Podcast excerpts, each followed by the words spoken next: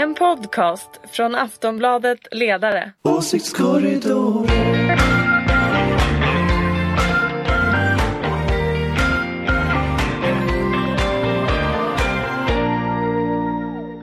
Välkomna till Åsiktskorridoren, podden från Aftonbladets ledarredaktion där vi avslöjar politikens allra hemligaste trick. Hösten har fått grepp om landet, allmänhetens kräftfiske i Vättern är avslutat och just medan vi spelar in den här podden är den svenska riksdagen på väg att eh, samla sig och öppna för i år. Eh, I år ska det ju dessutom bli lite mer utav den traditionella pompan som vi väntar oss av en riksdagsöppning.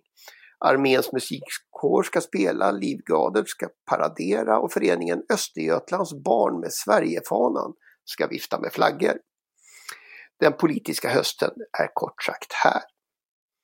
Med mig idag för att reda ut vad som egentligen händer finns som vanligt Ulrika Schenström, chef för den gröna och liberala tankesmedjan Fores. Ulrika är oberoende moderat. Välkommen! Tack så mycket! Här finns också Jenna Al-Moshadi. Eh, Jenna skriver ledare för Aftonbladets oberoende socialdemokratiska ledarsida. Du är också välkommen! Tack! Och dessutom som alltid Anders Lindberg som är politisk chefredaktör på Aftonbladet. Anders är socialdemokrat. Du är också välkommen. Halloj halloj! Själv heter jag Ingvar Persson och till vardags skriver jag också ledare i Aftonbladet. Här ska jag dock likt en poddarnas Anders Norlén försöka leda samtalet på ett alldeles rättvist och opartiskt sätt. Jag lovade ju att vi skulle komma tillbaka till riksdagens öppnande men jag tänkte att vi först ska blicka västerut. Mot Norge där man röstade igår. Det kommer att bli regeringsskifte och Erna Solberg kommer att få lämna plats för arbetarpartiets, Arbeiderpartiet ska man säga, eh, Jonas Gahr Støre.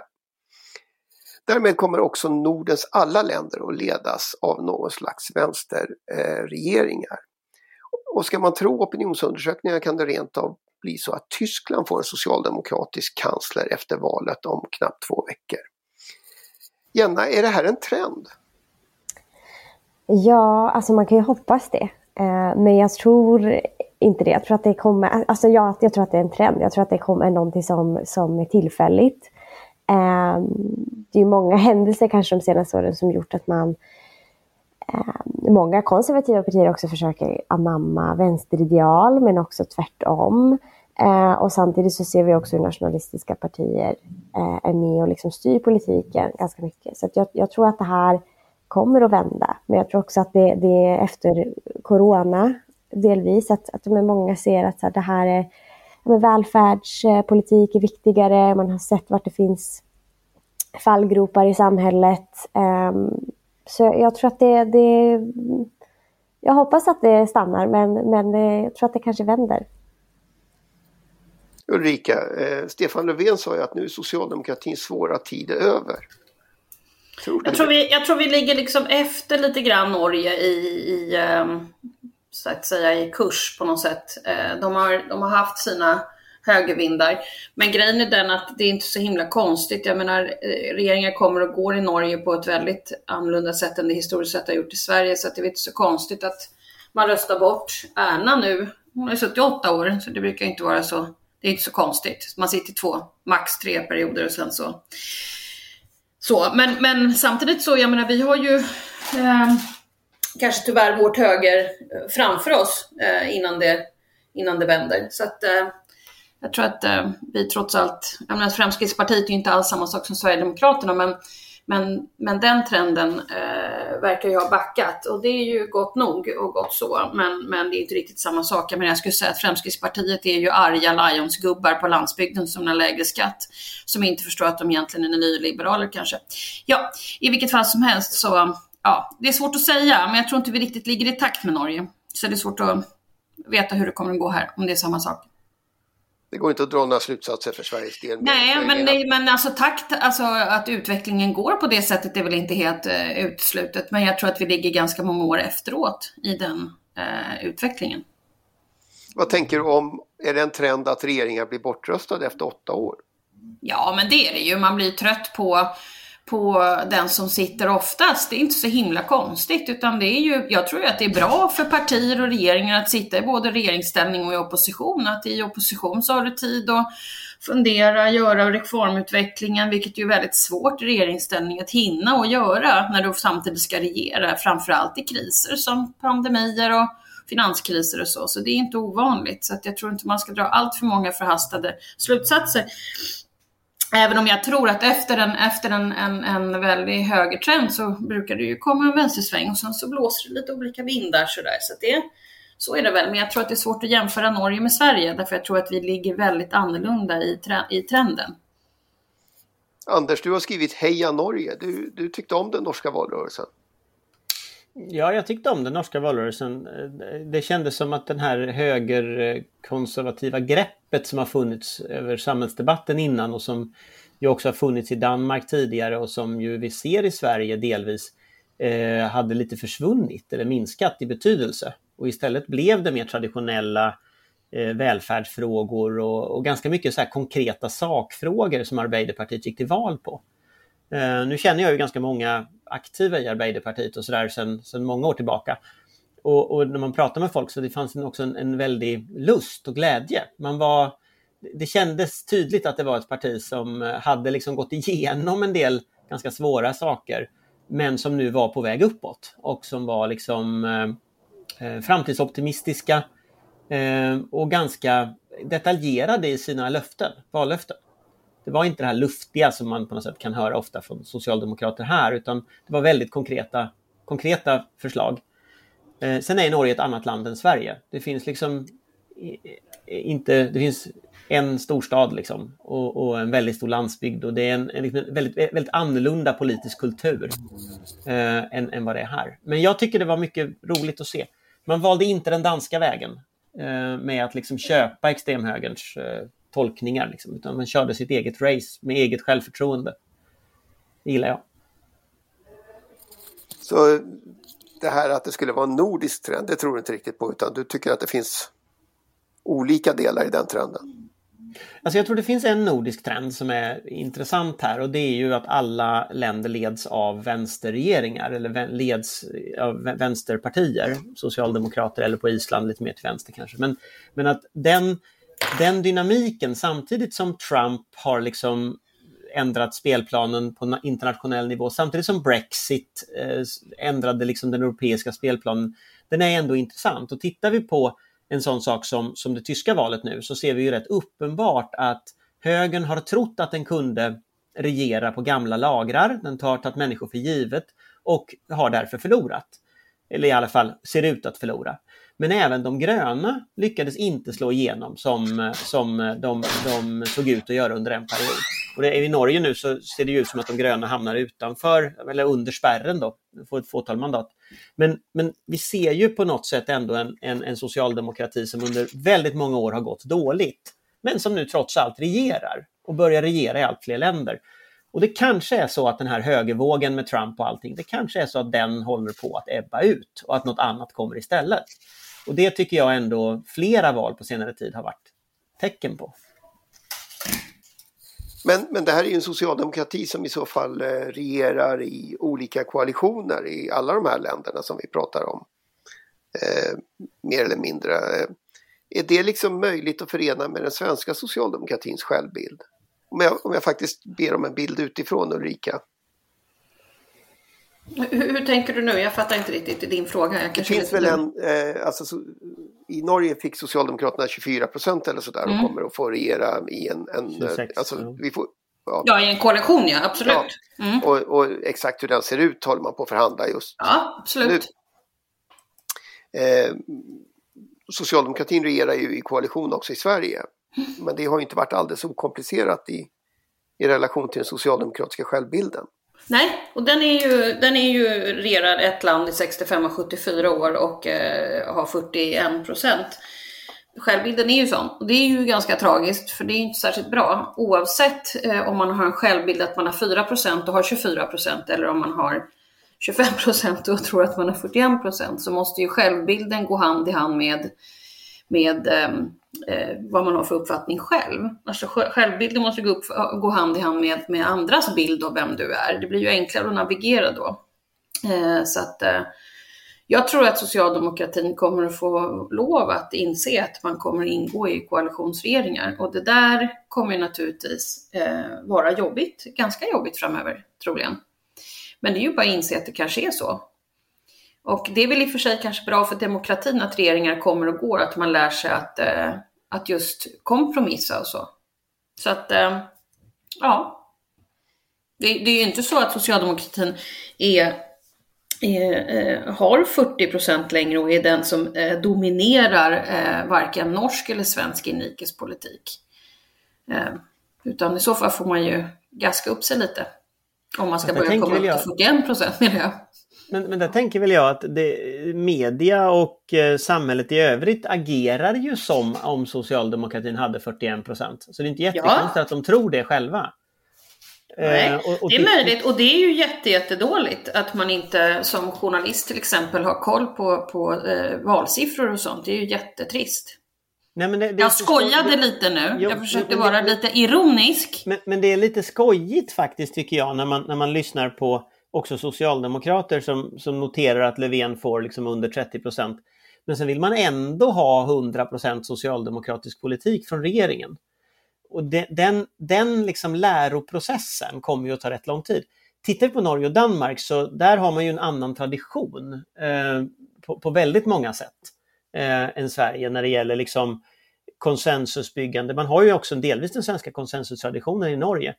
Eh, men samtidigt, just det här med land-stad spelar en helt annan roll. Jo, i, i, men, i men å andra sidan, om man, gör upp, om man gör upp med andra partier och har en annan politik än man själv hade velat ha, så är det klart att man kanske tappar väljare.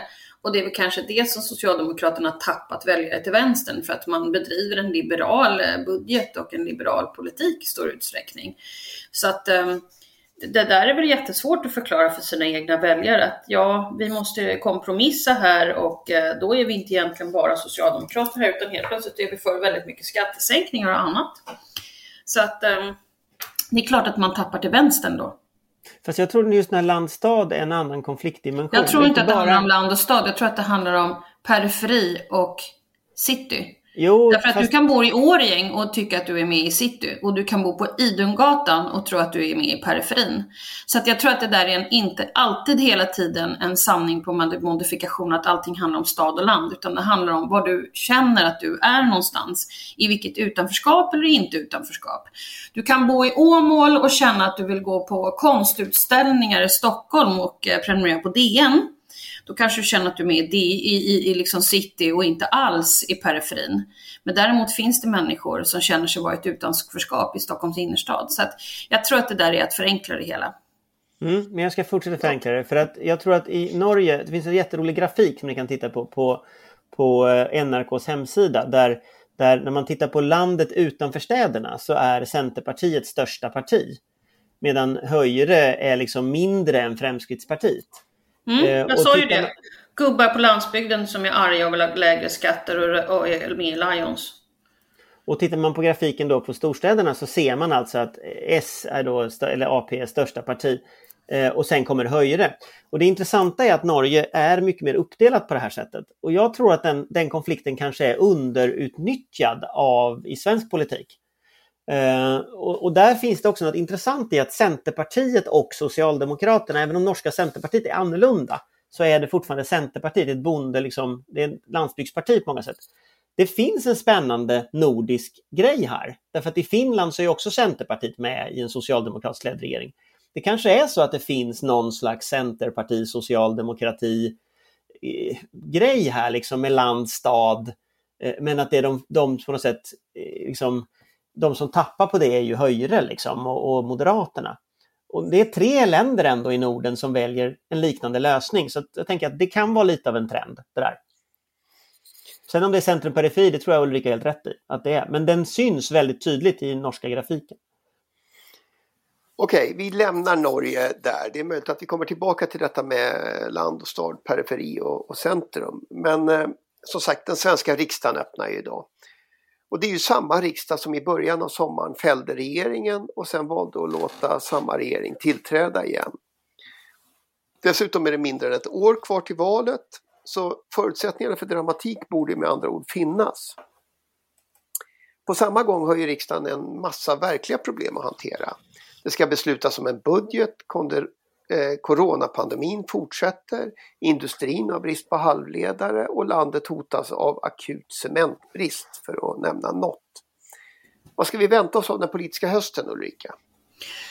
Alltså jag återkommer till det jag sa förra veckan att tabellåset eh, låstes eh, vad gäller budgeten ett par dagar efter kräftskivan på Harpsund, vilket gör att budget, eh, budgeten är redan förhandlad och klar och så har man pytsat ut vem som får vad. Eh, och sen så kommer eh, november med Magdalena Andersson som eh, blir vald till partiledare för eh, Socialdemokraterna. Och sen i december så ska det förhandlas i utskotten och det tror jag kommer gå alldeles utmärkt enkelt till slut i alla fall. Och sen så har vi helt enkelt en eh, valrörelse efter jul efter att Magdalena Andersson sitter kvar som statsminister. Så tror jag.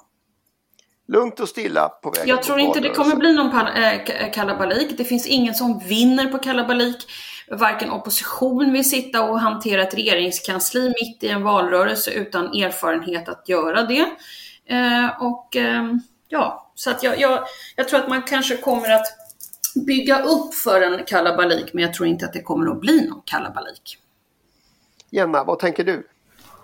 Nej, men jag tänker att det, det kommer bli en tuff höst. Eh, och jag tror nästan på att dramatiken fortsätter. För att man, om man tittar liksom ja, men på Twitter och sociala medier och liksom hur diskussionerna går där så tror jag ändå att det kommer att bli konflikter och det kommer bli diskussioner som, som kan bli ganska tuffa faktiskt. Ska vi ta Anders då? Nej men jag tror, alltså om ni vet ni läste en intervjun i Expressen för några dagar sedan när eh, Sverigedemokraterna sa att de inte tänkte rösta på Moderaternas budget. Det där tycker jag är intressant. För det ja, det är att... otroligt intressant att han vill bli statsminister. Vem har sagt det hela tiden? Förlåt att jag avbröt. Jag bara kände att jag behövde det.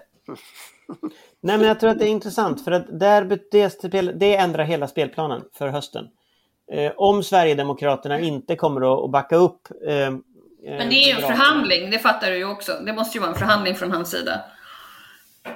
Alltså det måste vara en förhandling från hans sida men det är nog också så att det är ett besked från hans Nej, sida. Jag håller med dig, väldigt och, spännande. Mm. Och, och, då är det några saker som finns i det här som är kul tycker jag. Det ena är att de pratar ju om höjda pensioner, de pratar om höjda, eh, höjd a-kassa, de pratar om sjukförsäkring som ska återställas. Allt det där är ju saker Moderaterna inte kan finansiera givet sin budget. Så är det ju. Så det är också så att om Sverigedemokraterna går till val på det och sviker det här och sen röstar med Moderaterna, då ryker ju hela Sverigedemokraternas valstrategi som den här intervjun är upplagd. Alltså, du tänker på den i Svenska Dagbladet, eller hur? Eh, Expressen var just den jag tänkte på, men det är sak samma. Helena Gesslen. Eh, Gissén. Eh, men, men, men det intressanta i den själva grejen är att tänk om det är så att hela svensk politik har bullat upp för det ska bli budgetkris, det ska bli regeringskris, det ska bli allting. Och sen kommer Sverigedemokraterna att välja att hoppa av den konfliktlinjen.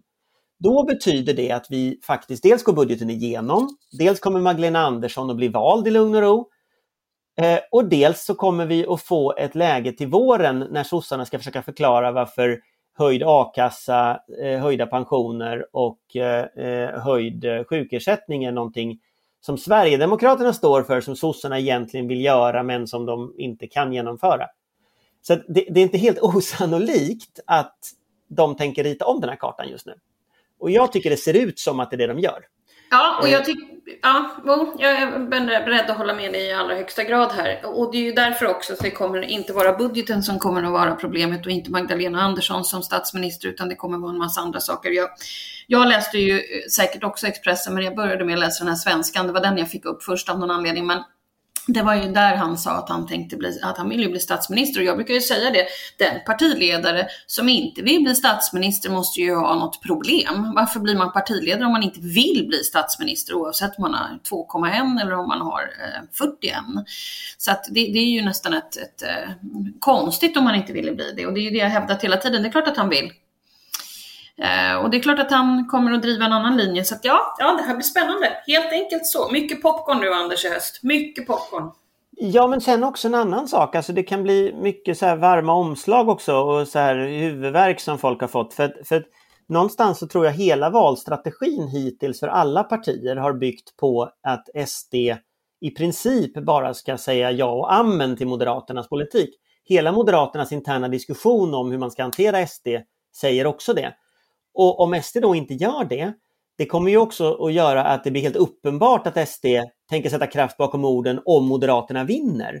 Eh, Och Anders, det är det här jag har tjatat om när det gäller att så här, jag vill ha en varudeklaration från eh, det konservativa blocket, vad man tänker anamma från Sverigedemokraterna. Det vore ju så otroligt spännande att se vad Moderaterna måste gå med på för att få ett stöd. Och sen helt plötsligt framgår det som om det kanske är Moderaterna som blir stödpartiet till Sverigedemokraterna. Man vet inte, eller hur? Visst är det spännande? Alltså just nu så tänker han ju så. Det finns en fantastiskt rolig meningsutbyte här i den här intervjun där hon frågar då, eh, vad heter, eh, när han ska liksom försöka förklara varför han inte accepterar Moderaternas budget. då säger han, det är osannolikt att vi skulle rösta på en budget som vi inte varit med och förhandlat. Exakt. Eh, så de har ju också köpt in i det där Sverigedemokraterna om att de ska minsann visst få vara med och Det kanske är så att de lyssnar på åsiktskorridoren så att de vet vad de ska göra. Mm. Jo men det är liksom en intressant vinkel här för att om det är så att de har bestämt sig för att de ska med och förhandla då dels så ryker ju Folkpartiets, eh, nej, vad heter de, Liberalernas eh, röda linjer bara all världens väg. Dels så kommer de ju att kräva just de här sakerna som vi har varnat för personal inne på regeringskansliet, person inne i budgetprocessen. Eh, I princip så betyder det här att nu har de just skrivit ut sin kravlista på mängden makt. Och tittar vi på opinionsmätningarna, och de ligger ju jämsides med Moderaterna, eh, då kommer ju han att kräva lika mycket makt som Moderaterna. Och det här tror inte jag, men jag tror inte Moderaterna, jag, jag, för, för oss är det klart, men jag tror inte folk fattar konsekvenserna av det här utspelet han har gjort. Men eh, varför tror du en del har varnat för det här? I ett par år? men Ulf Kristersson säger ju att man kan samarbeta om det man är överens om. Och så inte ja, det kan han ju glömma i det här fallet. Ja, men då igen vad Åkesson säger. Osannolikt att vi skulle rösta för en budget som vi inte varit med och förhandlat. Nyckelordet är osannolikt. Han lämnar en liten öppning. Men eh, det är klart att den har en prislapp. Så jag skulle säga att vad SD gör här, det är att givet utvecklingen i finansutskottet sen, förmodligen kommer att ha någon form av fysisk klavlista på vad SD ska gå med på, vad Moderaterna måste gå med på. Och, och, det är ju egentligen en djupare allians än ett, ett januari, en januariavtal eller någonting sånt där. Det är ju en heltäckande budgetsamverkan eh, och säkert mer frågor än vad som har varit inne i januariavtalet också i sak. Januariavtalet lämnar stora luckor liksom. Eh, Jenna, vad är det här du menar med att det kan bli en, en tuff höst? Ja, alltså frågan, frågan är ju liksom hur, hur vill Arman att svänga? Um, och, och liksom är Moderaterna villiga att betala den prislappen för, för SD? Um, ehm, men, men jag tror också inte att det kommer bli lika dramatiskt som det har tidigare varit. Utan jag tror att det kommer vara liksom lite små gnabb kring det här och lite drama. Men jag tror ändå att i slutändan tar man hem det. Att man lyckas liksom man kommer lyckas helt enkelt. Så att det kom, jag tror att vi kommer nu se liksom att det har varit tufft, både liksom corona men också politiken, men att det kommer liksom lätta mer och mer. Och alltså förhoppningsvis liksom nästa år när det är då valår, att, att vi kommer se att vi, vi kommer kunna se liksom valkampanjer som vanligt och att vi, det, vi, vi liksom går framåt och lämnar det bakom oss. Eh, det är det jag hoppas i alla fall. Jag har, jag har en fråga till, den måste jag rikta till Ulrika. Om, om nu Sverigedemokraterna sätter kraft bakom ordet och orden och, och, och, säger att vi vill inte samarbeta bara där vi tycker lika utan också där vi tycker olika. Eh, vad kommer det att liksom skapa för reaktioner i Moderaterna? Ja, jag tror att det kommer att skapa både förvåning och kanske, eh, kanske inte i alla eh, delar. För några måste ju rimligen ha, ha tänkt på det här, annars så har man inte kunnat, annars har man inte någon erfarenhet av förhandling tidigare. Och det är ju det som är hela grejen, att du visar ju inte dina kort förrän eh, du behöver visa dina kort. Och nu behöver man ju tydligen börja visa sina kort. Man visar i alla fall att man har andra kort än de kort man har visat tidigare. Eh, så att eh, det, det, är klart att det kommer att bli eh, Eh, förvåning och jag tror att det kommer att bli Alltså det känns ju lite naivt att, att uh, hela tiden tro att någon annan bara ska stödja en uh, när man är så pass stora. Uh, jag vet att man har försökt med den här diskussionen att oh, det är samma sak som Socialdemokraterna som har fått stöd av Vänsterpartiet. Visserligen sant på ett visst sätt, men Vänsterpartiet har inte 20-25 procent. Utan de har haft någonstans mellan 7, 5 och 10.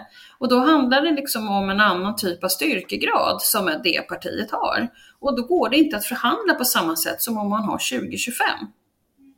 Men det är också så det här har jag ju varnat för jättelänge. Men det är också så att det är inte svensk, Vänsterpartiet idag som man i så fall skulle jämföra med, utan att samarbeta med Nej, nej, nej, men jag vet det. Nej, men också när det gäller kraven. Alltså, mm. det, är ju som att man skulle, sossarna skulle samarbetat med Vänsterpartiet 1947. Liksom. Mm. Alltså, det, det, här är ett oreformerat parti. Det innebär att det kommer att komma upp en massa krav som ett normalt demokratiskt parti inte kan acceptera. Eh, public service kommer ju vara första liksom, linjen. Där tror jag många moderater också har tappat liksom, kompassen. Men, men det kommer ju att handla om kontrollera forskning, det kommer att handla om kontrollera civilsamhället. Det kommer att handla om att kontrollera vad tjänstemän gör hit och dit. Jag skulle inte förvåna mig om SD tar upp det som amerikanska debatten har varit aktivistiska vänsterdomare som man vill ha bort. Alltså, det finns liksom en, ett, ett icke-reformerat högerextremt parti inte att leka med. Eh, och, och, och sossarna samarbetar inte med Vänsterpartiet helt uppenbart 1947. Och det är det som man får jämföra med. Så dels är det den här stämning, alltså antalet röster som du säger, men dels är liksom knasighetsgraden kommer att ställa till det för Moderaterna tror jag. För ganska många moderater kommer efter ett tag att få ganska ont i magen när de där, för, för man vill ju inte genomföra det där. Mm, så. Nej, det är ju just det. Det är ju därför jag har ropat på varudeklaration ganska länge nu. Eh, så. Och nu har du chansen att bli bönhörd. Kanske, möjligen. Man får se. Men det blir väldigt spännande den här hösten på många, många sätt. Mm. Mm. Jag ser fram emot varudeklarationen. Ja. Jag tänkte en jättekort eh, fråga bara till slut här. Eh, det hålls ju en massa politiska tal eh, nu här innan riksdagen har öppnat. Och, eh, till exempel så pratade Kristdemokraternas Ebba Busch i förra veckan om sitt favorituttryck.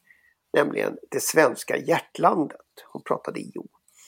Eh, och Uppenbarligen så har ju Kristdemokraterna identifierat regionalpolitiken som nästa stora valmagnet. Anders, du var ju inne på att det där präglade Norge. Kommer det att fungera i Sverige? Det vet jag inte. Jag tror att Ulrika har väldigt rätt i det hon sa förut med centrum periferi. Att det eh, finns en massa plan i det. Och ett sånt plan tror jag är att det här man upplever att eliterna i Stockholm ser ner på ens livsstil. Och där tror jag KD absolut är inne och petar på någonting som kan bli något. Eh, det gjorde de redan med den här verklighetens folktalet som, som eh, Göran Hägglund höll. Eh, och då var det kultureliten man var mot. Nu är det någon mera obestämd elit som ska ta ens vapen. Och jag såg att Ebba Busch sprang runt med en hagelbössa liksom och skulle visa att hon var minsann folklig och så. Den, den, den typen av symboler eh, är naturligtvis ganska kraftfulla. Eh, så att jag menar, jag tror absolut att det finns där. Sen tror jag ju att hon missar en central del om man tittar på hennes tal och det är fördelningsaspekten. Den centrala delen i varför många människor på landsbygden upplever sig förfördelade, det är ju för att man är förfördelad. Det är för att pengarna hamnar någon annanstans, makten hamnar någon annanstans. Människor reser därifrån för att det inte finns jobb. Eh, kommunerna till exempel, om man tar den kommunala skatteuppbörden, så är det ju så att, att, att eh, en, en kommun, en utflyttningskommun i Norrlands inland, där betalar du förmodligen högre skatt än vad du gör i Danderyd. Det finns något helt o... Därför att pengarna räcker inte till äldreomsorg och annat. Så det finns något helt orimligt i hur det svenska samhället är konstruerat. Det där är hon inte inne på, utan det är just symbolfrågorna hon är inne på. Men skulle hon koppla ihop symbolfrågorna med den känslan av att det är väldigt långt till Stockholm och att det är liksom det reella, fördelningspolitiken, då tror jag det kan bli något. Ja, Ulrika, du noterade att Anders sa att du hade rätt. Ja, jag vet. Det är helt obegripligt och jag tycker att det nästan... Alltså vi får ju ta utvärdera det här efter valet 2021 eller 2022 för att alltså, ja, nej, men eh, eller också är vi bara väldigt bra på att göra analys även om vi skulle landa någon annanstans eh, i en annan fråga. Ja. eh, jag tror faktiskt att vi får sätta punkt där. Jag vill tacka Ulrika, Jenna och Anders och jag vill förstås tacka dig som har lyssnat. Det, den här podden görs för dig. Vår tid går, precis som alltid, alldeles för fort. Å andra sidan betyder det att det finns frågor kvar till nästa veckas avsnitt av Åsiktskorridoren. Missa inte det. Hej då! Ha en fin vecka! Hej hej! En podcast från Aftonbladet Ledare. Åsiktskorridoren.